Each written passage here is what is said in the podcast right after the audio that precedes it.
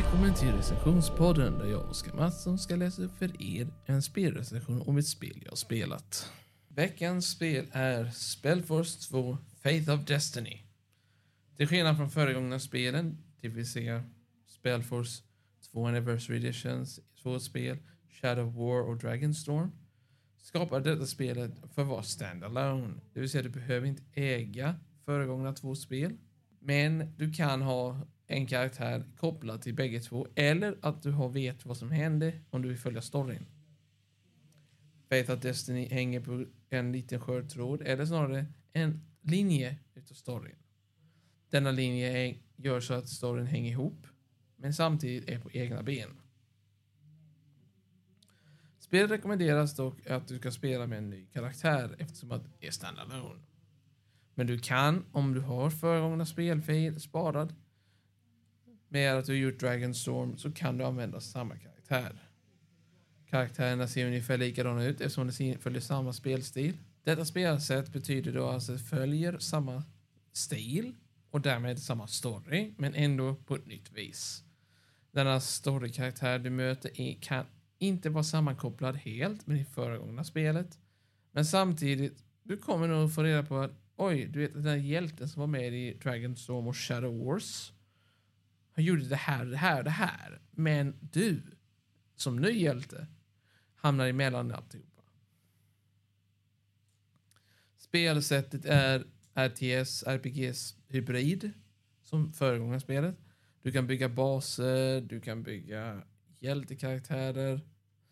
Eller snarare, utveckla en hjältekaraktär med armor, vapen. Sånt liknande precis som föregående spelet. Men med lite nyare grejer. RTS-spelstilen är real time strategy.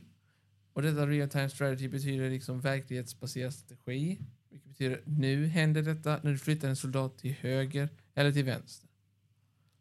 RPG betyder att du kommer kunna få tillgång till att kunna ändra din karaktär i stil, skicklighet, förberedelse och styrka och vad han gör bäst. Rollkaraktärer, att du spelar ut din karaktär som du vill att han ska bete sig. Exempelvis, jag vill vara en schysst person, jag är vänlig mot denna person. Eller du kan vara ett as mot denna person. Det är helt och hållet hur du vill att din karaktär ska se ut, agera och reagera. Spelet innehåller också tillägg, vilket är soundtrack. Sen finns det de tre nedladdningsbara tilläggen som lägger till mer story, som till exempel ja, fortsättning på denna kampanjet med de sidostories. Som till exempel öppen världsuppdatering, eller världserövrande. Du kan göra detta genom att besegra fiender på en karta och vinna.